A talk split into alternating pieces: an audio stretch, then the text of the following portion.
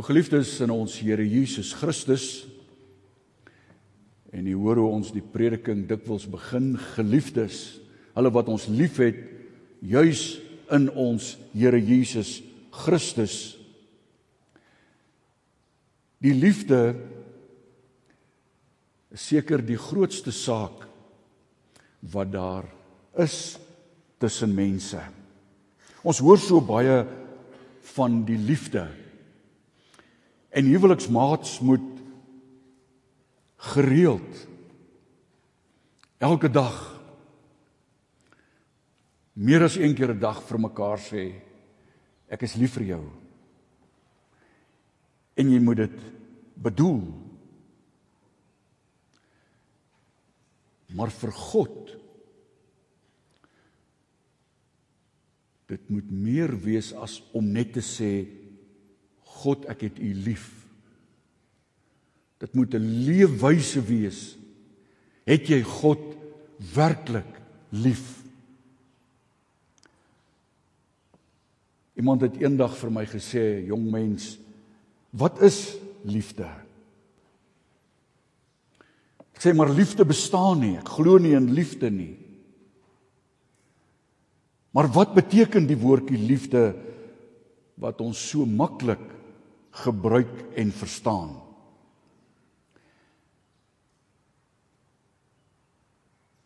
Geliefdes, juis in daardie woord wat ons sê lê daar seker die grootste betekenis in. Geliefdes, want God is liefde. Geliefdes, in ons Here Jesus Christus. Ons kan nie sê ek het jou lief uit my eie nie. Maar deur Jesus Christus se liefde kan ons sê geliefdes in ons Here Jesus Christus.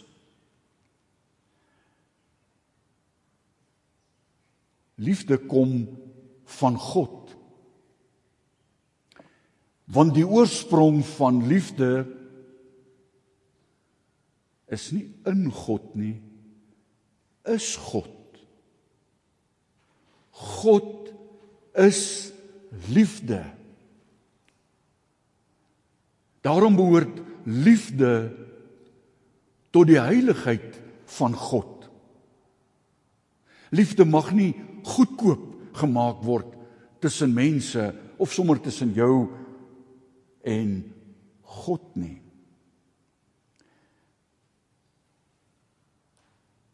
Reg aan die begin kan ons kategories stel dat daar ook liefde is by heidene.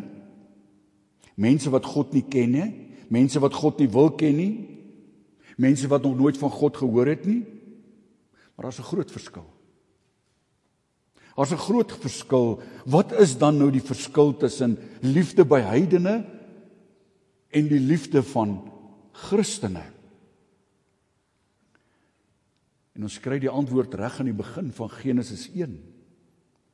By die skepping, God het die mens goed en na sy ewebeeld geskape. So is dit in die mens ingeskape om lief te hê. God het ons so lief gehad dat hy ons geskep het. Maar weens die sondeval het ons hierdie liefde vertrap. Maar daar wel iets oorgebly daarvan die reste in 'n mens. Maar heidene se uitgangspunt, hulle bron van hulle liefde is nie reg nie. Want wat is die wat is die fontein, die oorsprong, die bron van liefde. God is liefde. As ons 'n uh, bietjie kyk na die woord liefde in die Nuwe Testament, dan sien ons dat hier in ons skrifgedeelte van vers 7 tot 12 dat die liefde, die woord liefde 15 maal in 6 verse voorkom. En in die Griekse taal is daar drie woorde spesifiek wat daarvoor gebruik word: agape, phileo en eros, verliefde. En hierdie woorde het 'n iets van 'n verskillende betekenis, maar vir die Christen dui dit uiteindelik op die een liefde, God is liefde. Daarom die die agape liefde is absoluut gegrond op die liefde van God, wie God is. En Jesus Christus vermaan ons om mekaar lief te hê, werklik lief te hê. Die filio liefde is meer tussen mense, maar tog ook gebaseer vir die Christen in die liefde wat God vir ons het en waarmee ons mekaar moet lief hê. Eros in die derde plek is meer die erotiese liefde, die liggaamlike liefde en tog vir die Christen is dit ook 'n heilige liefde. Nie sommer goedkoop nie. Maar as ons lees dat daar staan God is liefde moet ons dit nou nie verabsoluteer asof dit al is wat God is nie. Ons moet ook nie sê dit is 'n karaktertrek van God nie. Dis nie 'n karaktertrek van God nie. God is liefde. Hy's 100% liefde. Maar God is ook lig. 1 Johannes 1 vers 5. Johannes 4:24 God is gees. God is volmaak in alles wat hy is. Dit is eintlik vir ons amper onbegryplik. Daarom Liefde is nie sommer maar net 'n gevoel, 'n saak, 'n verbygaande saak, 'n emosionele saak alleen nie. En daarom is liefde nie iets wat jy net moet sê, ag ek's lief vir jou en nou nou net 'n grappie gemaak. Jy moet mooi dink, wat is liefde? Waar kom dit vandaan? God is agape, God is liefde, die lewende verbondsgod is liefde. Hy wie ons aanbid is liefde. Hoe weet ons dit? Die Bybel sê so. God openbaar dit self aan ons in die woord. En die Heilige Gees getuig dit in ons harte. En dit moet juis tot uiting kom ook in ons lewens. Prakties, hoe weet ons dit? As jy werklik elke sonoggend soos ons dit vanmôre weer bely het, die 12 artikels bely? As jy na die wet luister en werklik dit wil nakom uit dankbaarheid? As jy werklik elke dag God tot God bid hom dien dan weet jy maar Dis die Gees in my. Die Gees wat my dring. Ons kan nie sommer maar net ligtelik met liefde omgaan nie. En ons beperk nie God alleen soos ons gesê het tot liefde nie, want God is ook Gees. Johannes 4:24. God is Gees en die wat hom aanbid, moet hom deur die Gees en in waarheid aanbid. In sy wese is God gees. Hoe kan ons God beskryf? Niemand kan hom sien en bly lewe nie. Hy is nie van vlees en bloed soos ons nie.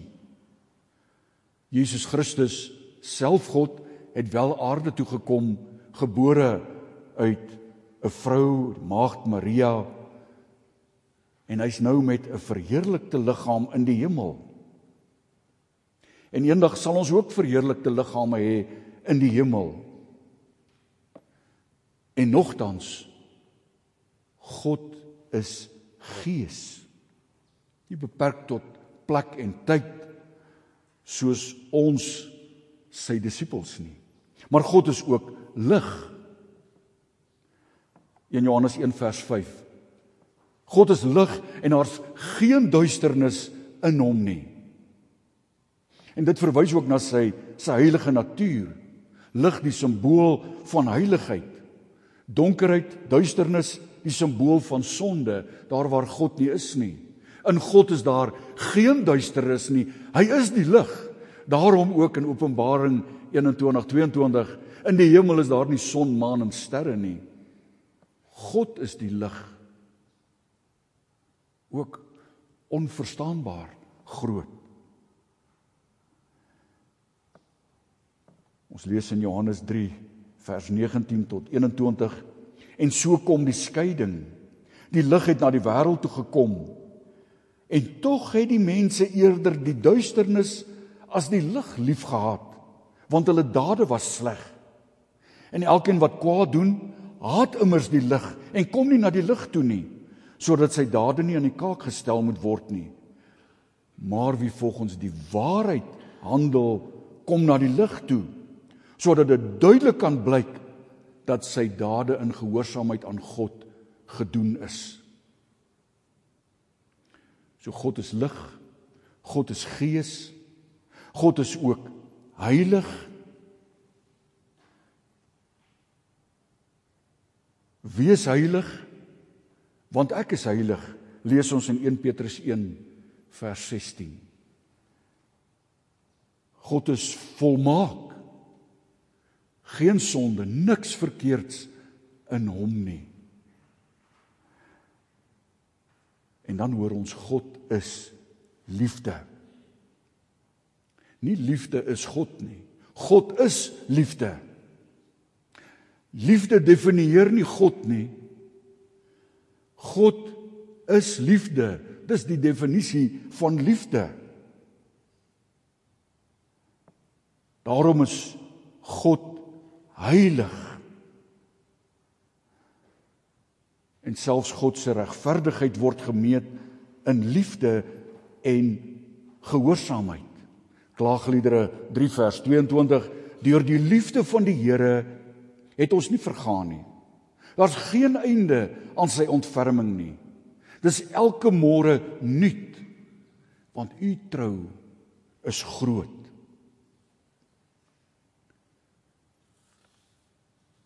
Wat liefde nie is nie. Liefde is nie wat die wêreld sê liefde is nie. Sommer net 'n plakker op 'n kar, God is love, God is peace. Om hom sommer net eenvoudig te wil voorstel nie. Christelike liefde is 'n werklike spesiale liefde. Ons het dit in ons teks gelees in Johannes 4 vers 10. Werklike liefde is dit. Nie die liefde wat ons vir God het nie, maar die liefde wat hy aan ons bewys het deur sy seun te stuur as verzoening vir ons sondes. Wat 'n wonderlike genade. Hy het sy eie seun gestuur om die hemelse heerlikheid te verlaat om vir ons te betaal. Hoekom? Want hy het ons lief. Hy het vir ons sondes kom betaal met die bloed van sy eie seun. Kan ons hierdie liefde ten volle begryp? Ons kan dit sekerlik nooit begryp nie. Nie een van ons kan dink ek moet my kind opoffer vir 'n sondaar nie. Die Bybel sê vir 'n goeie mens sal ek dit nog miskien oorweeg. Maar vir 'n sondaar, vir 'n mensdom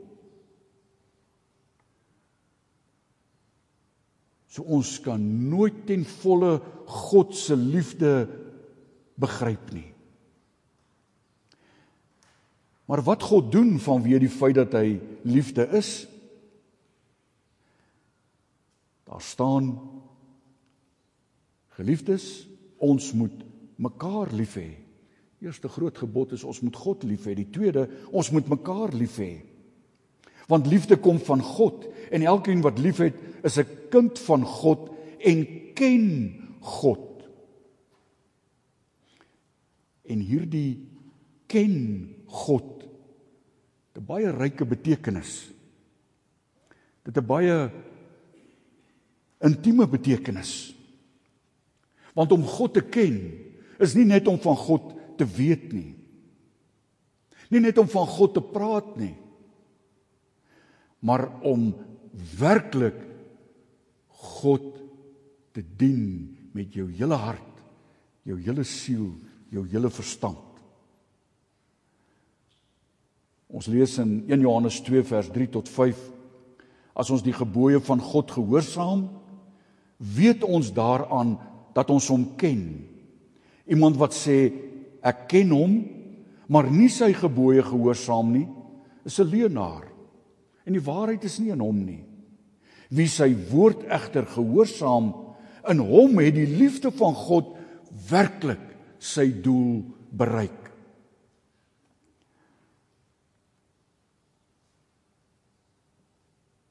Broers en susters, God is liefde. As jy God werklik liefhet, dan sal dit in jou lewe tot uiting kom.